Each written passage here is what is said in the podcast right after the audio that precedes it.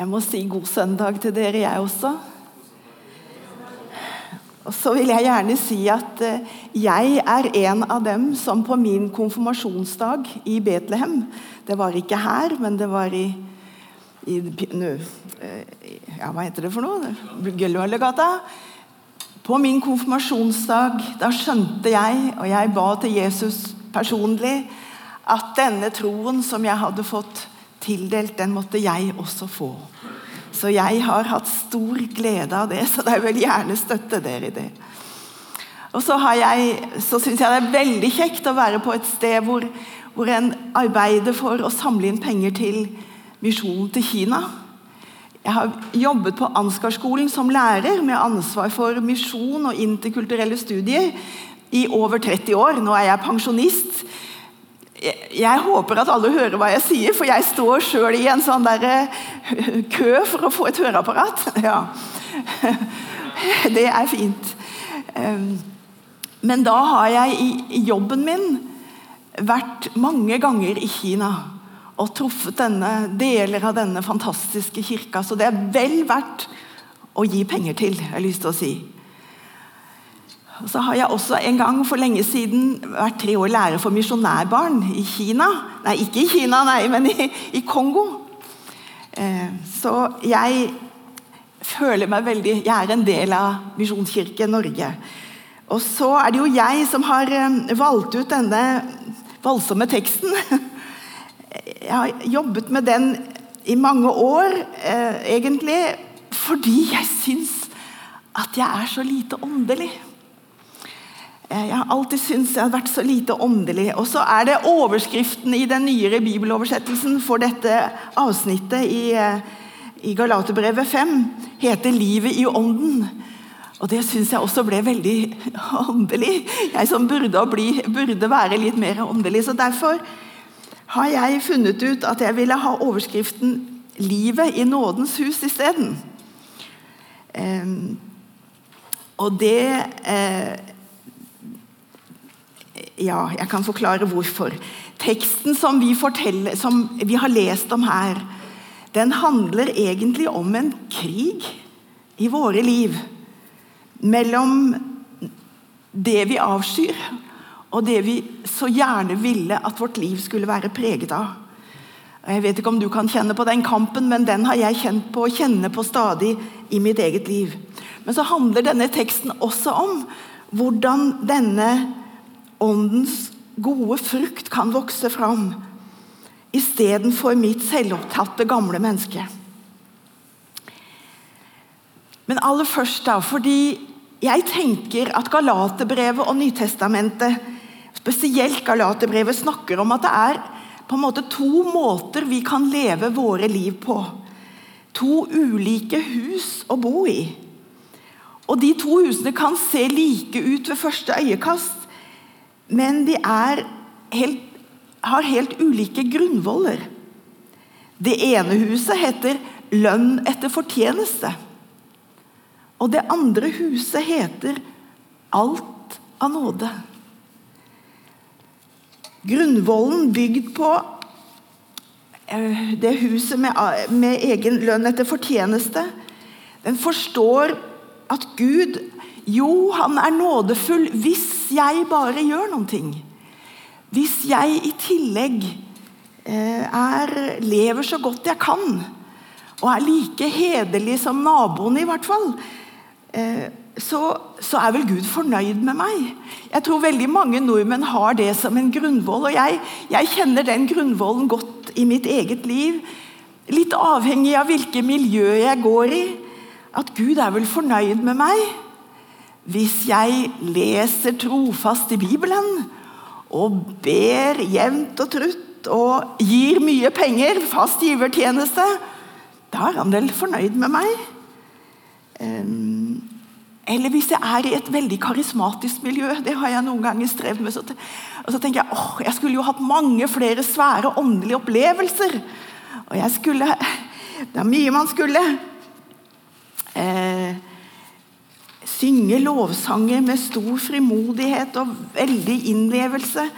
Eller når vår skole, Ansgarskolen, ble eh, høyskole, så måtte jeg jo tenke veldig dypsindige teologiske tanker.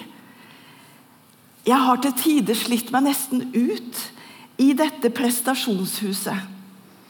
Der er det mange byrder, og der er det mye sammenligning. Og jeg er så trøtt av det.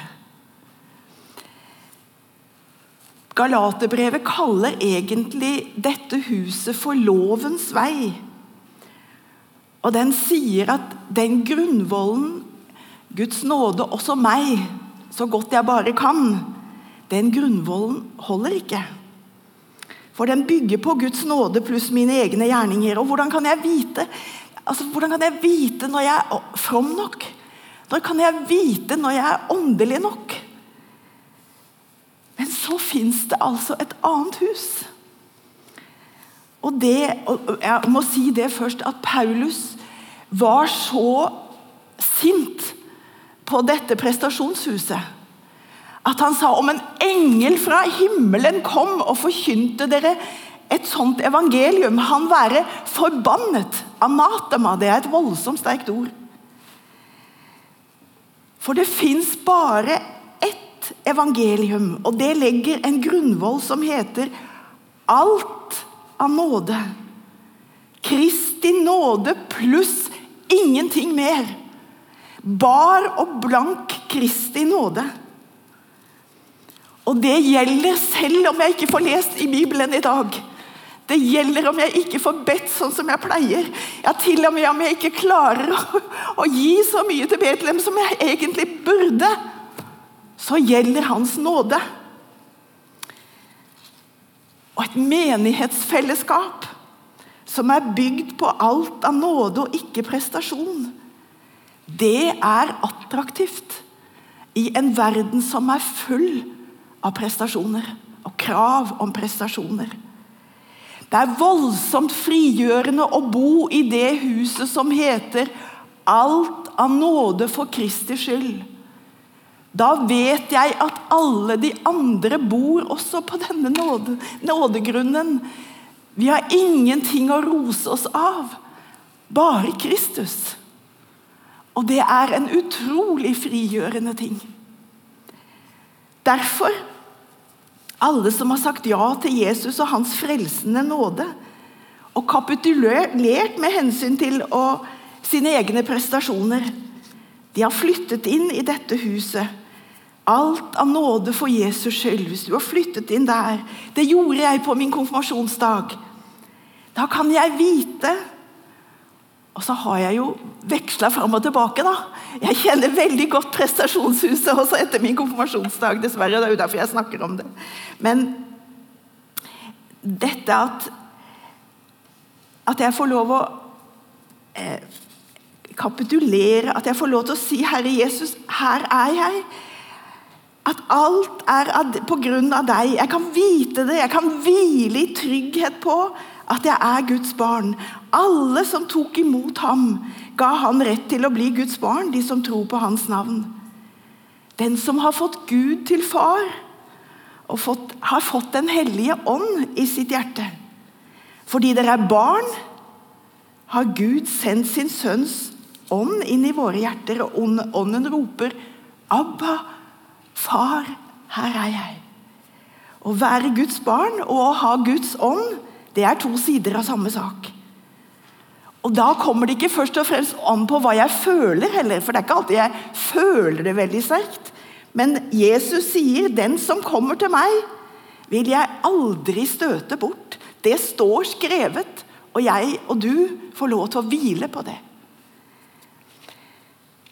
Å bo i nådens hus det er altså å flytte fra min egen prestasjon til Jesu prestasjon. Og Dette er nådens hus, farshuset, der jeg vet at jeg er gjennomskua. Han vet alt om meg. Han vet alle mine dårlige sider. Og så er jeg elsket allikevel. Er det ikke den kjærligheten alle mennesker i verden på dypet lengter etter? Å være gjennomskuet og likevel vite jeg er et elsket barn. Nådehuset er ikke for slaver ikke for dem som må prestere for å bevise at jeg er verdifull. Det er for barn som vet at jeg er elsket fordi jeg er barn, uten prestasjon. Og for meg som er blitt gammel og pensjonist, er det ekstra godt. Jeg orker ikke så mye som før hvis alt skulle hvile i hvor mye jeg presterte. Det er fantastisk å hvile i Jesu nådehus. Der jeg elsket, ikke for, det, for alt jeg får til, men fordi jeg er den jeg er. Og da får jeg lov til å glede meg over andres gaver uten å bli misunnelig. Uten å tenke åh, jeg skulle jo vært mye mer from sånn som henne og han. Og så får jeg ta i bruk de gavene som du og jeg har. Og kjenne at jeg kan bli velsigna av andres gode gaver. Nådens hus er også frihetens hus. Frihet til frihet har Kristus frigjort oss, sier Paulus i begynnelsen av kapittel 5 i dette kapittelet vi har lest ifra i Galaterbrevet. Det er friheten fra å prestere seg til frelse. Hele tiden å være redd for om jeg er god nok. Og det er å hvile med hele sin livs tyngde, ikke på min egen prestasjon, men på Kristi fullkomne frelsesverk. Er å slippe å være styrt av burder. Og samtidig, i dette frihetshuset er, og nådehuset, kan jeg ikke gjøre absolutt hva jeg vil. Det er et hjem. I et hjem er det noen regler hvis det er et godt hjem. Ehm, I dette nådehuset har jeg frihet til ikke lenger å Jeg kan slippe å ha meg sjøl i sentrum. Jeg kan slippe å tenke 'hvordan kan jeg få selvrealisert meg i dag'? Jeg kan heller være opptatt av Han som har gitt meg sin nåde, og de medmenneskene han gir meg. Jeg blir veldig lei meg over hvor selvopptatt jeg på grunn og bunn er mange ganger. Det kom, eller det er det hele tida, men det kommer til uttrykk, og jeg er, så, jeg er lei det. Jeg får bo der for Kristi skyld.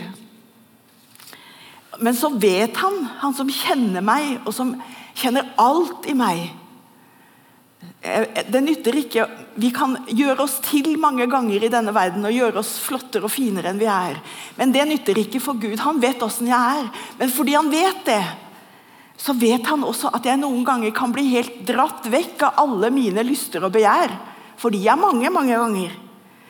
I nådehuset gjelder friheten til å sette Gud og min neste i sentrum. Eh,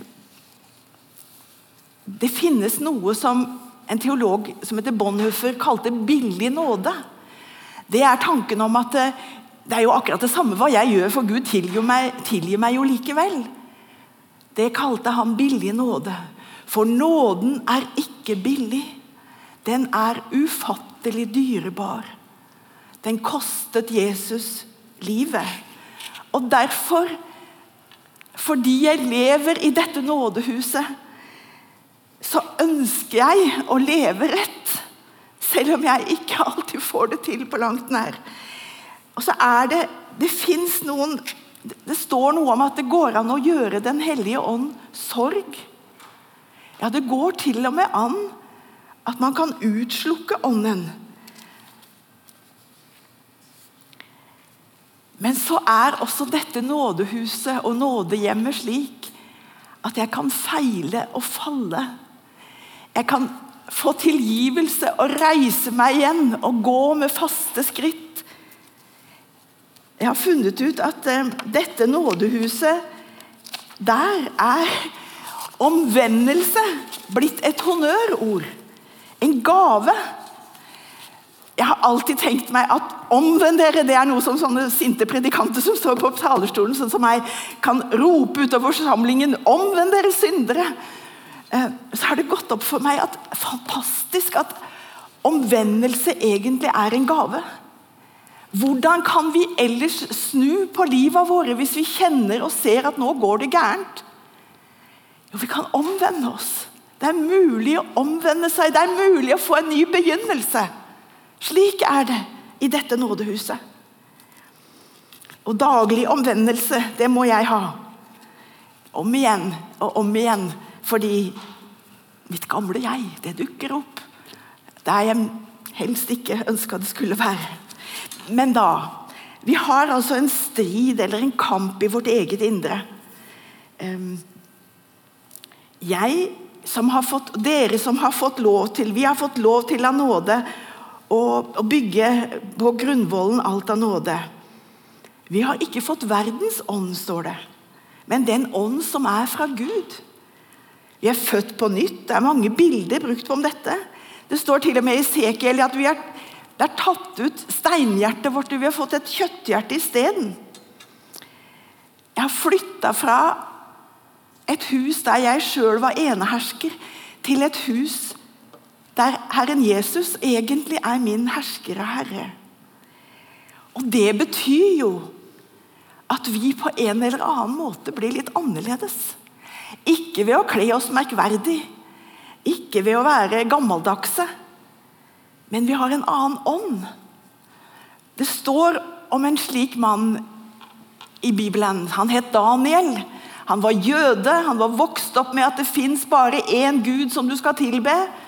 Og Så bodde han i Babylon, og han hadde fått sin utdanning i Babylon. Han visste alt om babylonsk kultur, og han hadde en posisjon i det øverste sosiale lag i Babylon. Men hver eneste dag, tre ganger om dagen, så står det at Daniel bøyde kne, åpnet vinduet vendt mot Jerusalem. Og så står det flere ganger i, eh, i profeten Daniel at Daniel hadde en usedvanlig ånd. En usedvanlig ånd bodde i han, står det. Og den fikk altså jevnlig næring. Det er jo sånn at den som har fått Jesu ånd i sine liv, av bare nåde Denne ånden ønsker å leve rett. Denne ånden ønsker å gjøre det som er godt. Jeg er korsfestet med Kristus, sto det. Jeg lever ikke lenger selv, men Kristus lever i meg.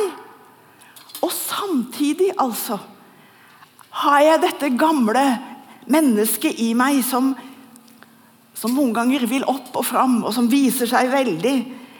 Um, og så må vi si at ved skapelsen så står det Det kalles kjøttet her. Kjøttet, Vårt gamle kjøtt er jo veldig merkelig. Um, når Gud skapte oss, så har han skapt oss med en kropp. Og Han så at det var såre godt. så det at, at, vi har en kropp, det er ikke negativt. Men det, ved det vi kaller syndefallet, så kom en ånd som på en måte vil det motsatte av Gud. Vi, det kom inn i hele skaperverket. At vi har noe gudfiendtlig, jeg òg. Vi har et noe gudfiendtlig i oss, for jeg vil noe som jeg sjøl vil. Um, og Derfor sier Paulus et annet sted i Rombrevet 7 det, jeg, det gode som jeg vil, det gjør jeg ikke. Og det onde som jeg avskyr, det gjør jeg. Jeg vet ikke om du har opplevd det, men det har jeg opplevd mange ganger. Jeg har bestemt meg for at i den situasjonen for det mennesket skal jeg aldri mer hisse meg opp og bli sint. Og så blir jeg det mange ganger etterpå. Jeg liker det ikke. Vi er bare ett menneske, men dette mennesket kan overstyres. Enten av mitt gamle kjøtt, det som vil opp og fram, og jeg vil bli synlig, eller av ånden. Ehm, for eksempel ja, Nå har jeg sagt at jeg kan bli veldig sint på noen, veldig irritert over noen mennesker og bestemme meg om igjen og om igjen. Jeg skal ikke gjøre det mer. Og så, så er det der igjen. Eh, kjøttet og ånden kjemper mot hverandre. Eh, jeg har hørt om at en mann hadde to kamphunder, en hvit og en svart som stadig var i slåsskamper. Jeg vet ikke om jeg hadde likt akkurat det der sånne slåsskamper, men i alle fall, folk spurte denne eieren av disse hundene Vet du hvilken hund som kommer til å vinne? Ja, sa han. Det vet jeg, for det, det er den hunden jeg gir mest god næring, som vinner. Eh, og Så er spørsmålet da hva gir jeg næring i mitt liv? Eh, Ånden og kjøttet de går i hver sin retning. For det kjøttet vil, det er død, men det ånden vil, er liv og fred, sier Paulus i Rombrevet 8. Så hvis jeg nærer meg med åh, Jeg syns så forferdelig lite om det mennesket. Jeg blir helt full av det. Eller jeg blir veldig opptatt av penger, eller hva det nå må Eller selvmedlidenhet. Stakkars meg. Så får jeg fokus, og så blir dette hva jeg Det er denne lastekatalogen vi har lest om. Forferdelig lastekatalog kalles det, alle disse vonde tingene. Og så er det jo det skumle at jeg kjenner meg jo igjen i mange av de der tinga der. Ehm, kjøttets gjerninger. Jeg har vært misunnelig mange ganger. Jeg har blitt sinna uten grunn mange ganger. Hvis jeg hadde fortsatt å bo i den, det huset med grunnvollen eh, egen prestasjon, da ville jeg sagt til meg sjøl nå må du ta deg sammen, Ingrid. Det har jeg sagt mange ganger. Nå må du jammen stramme deg opp. Nå må du gjøre ditt beste. Jeg har prøvd med sånn ta deg sammen-kristendom. Men det, det, klarer ikke jeg. Vi er forskjellige som mennesker. Noen har veldig sterk vilje og kan klare veldig mye. Jeg har ikke spesielt sterk vilje. Men det jeg ser, det er at hvis jeg bestemmer for at nå heretter skal jeg liksom aldri bli sint Det tror jeg, det går ikke. Og dessuten så tror jeg kan bli en veldig svær fariseer som dømmer andre. Um, det, den framtoningen der kjenner jeg også godt i mitt eget liv. Um, men så står det, og det er også viktig å skjelne Det står de som driver med slikt, altså med alt mulig, driver med misunnelse Hele livet blir misunnelse. Skal ikke arve Guds rike. Det er jo veldig alvorlig. Også fordi at jeg kjenner igjen så mange av disse tingene, så kan jo det bli skummelt. og Derfor er det veldig viktig å skjelne mellom når det står 'driver med', det er noe man har gjort til sin hva skal jeg si, en livsstil. Noe jeg, jeg lukker igjen døra til, til, eh, det som vil korrigere meg, og så har jeg bestemt meg for at dette vil jeg eh, Det er å drive med. Men hvis vi faller, som vi gjør titt og ofte, da fins det nåde å få i nådehuset. Ny begynnelse, ny start. Og så er det Å bekjenne synder det er ikke det samme som å grave i syndene. Så har du bekjent din synd, reis deg opp og gå videre. Bekjente synder er tilgitte synder. Så må, si, må, jeg si noe om Nå har jeg glemt å se på klokka. Det, det, er to uttrykk som ligner på hverandre her i denne teksten, men som er veldig rare, og som ikke er det samme. Og det er å korsfeste kjøttet, står det. Og så står det om at vi er korsfestet med Kristus. Det er, veldig, det er noen rare ting. Den som hører Kristus til, har korsfestet kjøttet med dets lidenskaper og begjær, står det. Det er altså ikke det samme som å være korsfestet med Kristus. Enhver som bor i nådens hus, er korsfestet med Kristus. Vi er faktisk delaktige i Jesu død, hans begravelse og hans oppstandelse. Så når jeg når jeg er begravet og, og når jeg er korsfestet med Kristus, så betyr det jeg er et menneske Kristus. Jeg er skjult i Han. Og Gud ser på meg som om jeg aldri hadde syndet, for han ser Kristus. Men det å korsfeste Ehm, nå må jeg si det riktig, så det blir riktig dette her. Den som hører Kristus til, har korsfestet kjøttet med dets gamle lidenskaper og begjær. Det er noe annet. Det er noe jeg aktivt gjør. Jeg sier at denne voldsomme selvhevdelsen, det at jeg sjøl skal være i sentrum, det vil jeg jo egentlig ikke skal styre meg, så jeg korsfester det. Jeg overlater det til å dø. Korsfestelse det er en langvarig prosess. Men det er en prosess som ender i død hvis man ikke begynner å ta opp naglene på det som er korsfestet.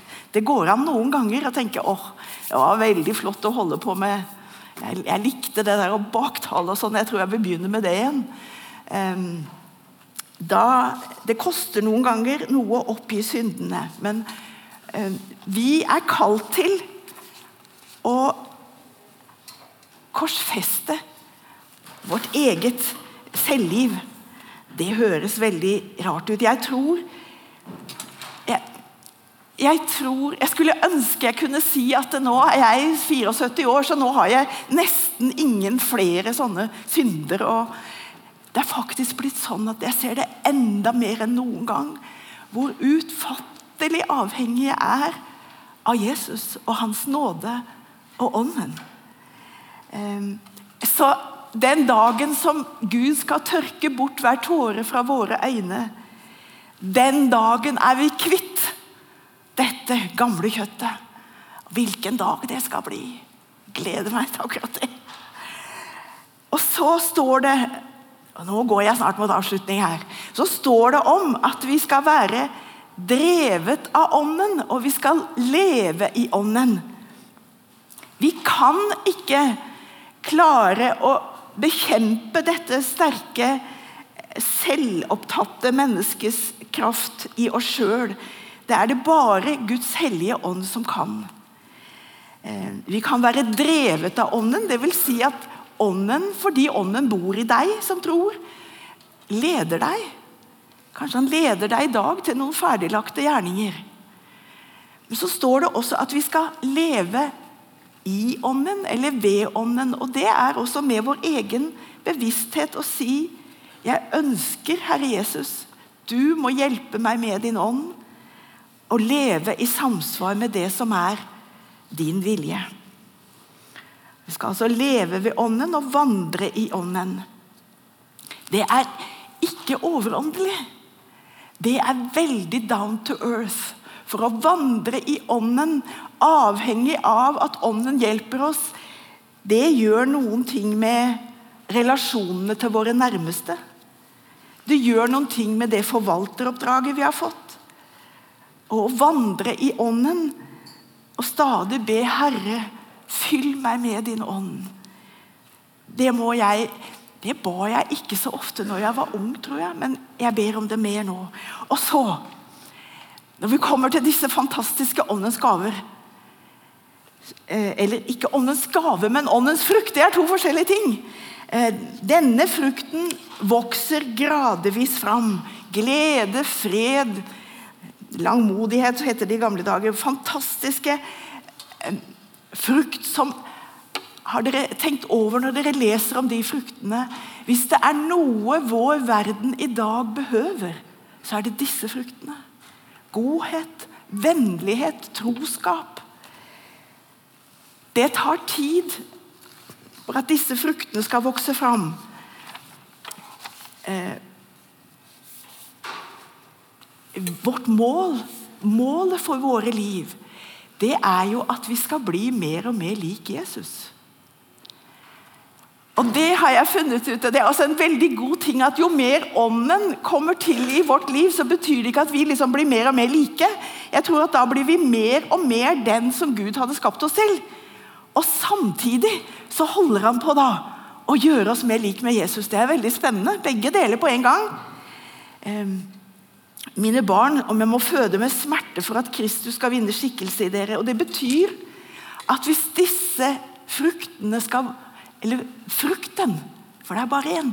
Frukten skal vokse fram.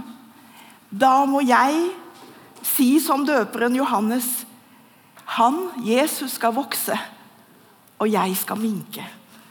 Det er jo der kampen står. For jeg vil gjerne bli stor. Og så har jeg altså funnet ut at denne åndens gaver, det er mangfoldig.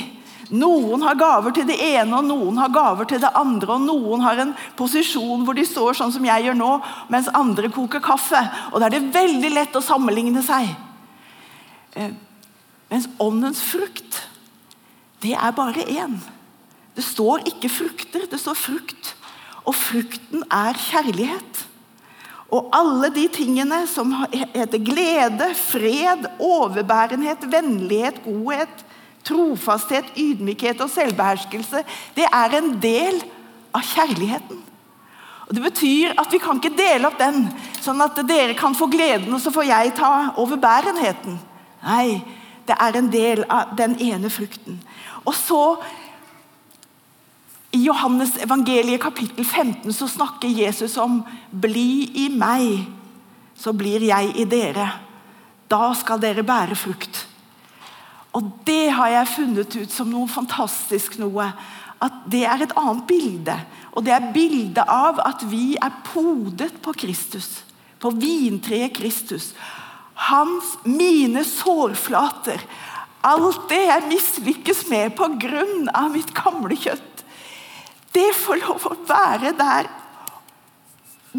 koblet opp mot Kristi sårflater. Og det er da frukten vokser fram. Frukten, Denne gode frukten kan bare vokse fram i nådens hus. Vi kan ikke ta oss til og kjempe oss fram til å få sånne gode frukter. Det skjer i min avhengighet av Kristus. Derfor helt til slutt David ba, ransak meg, Gud, og kjenn mitt hjerte. Prøv meg og kjenn mine tanker. Se om jeg følger avguders vei. Led meg på evighetens vei. Så får vi lov til å tro at vi får lov til å korsfeste vårt gamle jeg, og at Ånden får lov til å lede oss. Og så kommer denne åndens frukt fram i avhengighet av Jesus. Da blir vi et annerledes folk. Annerledes enn omgivelsene. Dette har jeg sett blant de kristne i Kina. De sa når jeg så mine brødre og søstre Da så jeg et fellesskap jeg aldri hadde sett eller opplevd før. Vet dere at et åndens liv der vi er avhengig av Jesus og hverandre det er attraktivt. De sa om de første kristne Se hvor de elsker hverandre. Det tror jeg det er ganske mange som sier om Betlehem misjonskirke. Og det er vårt stadige ønske og bønn. Herre, skap kjærligheten i oss. Amen.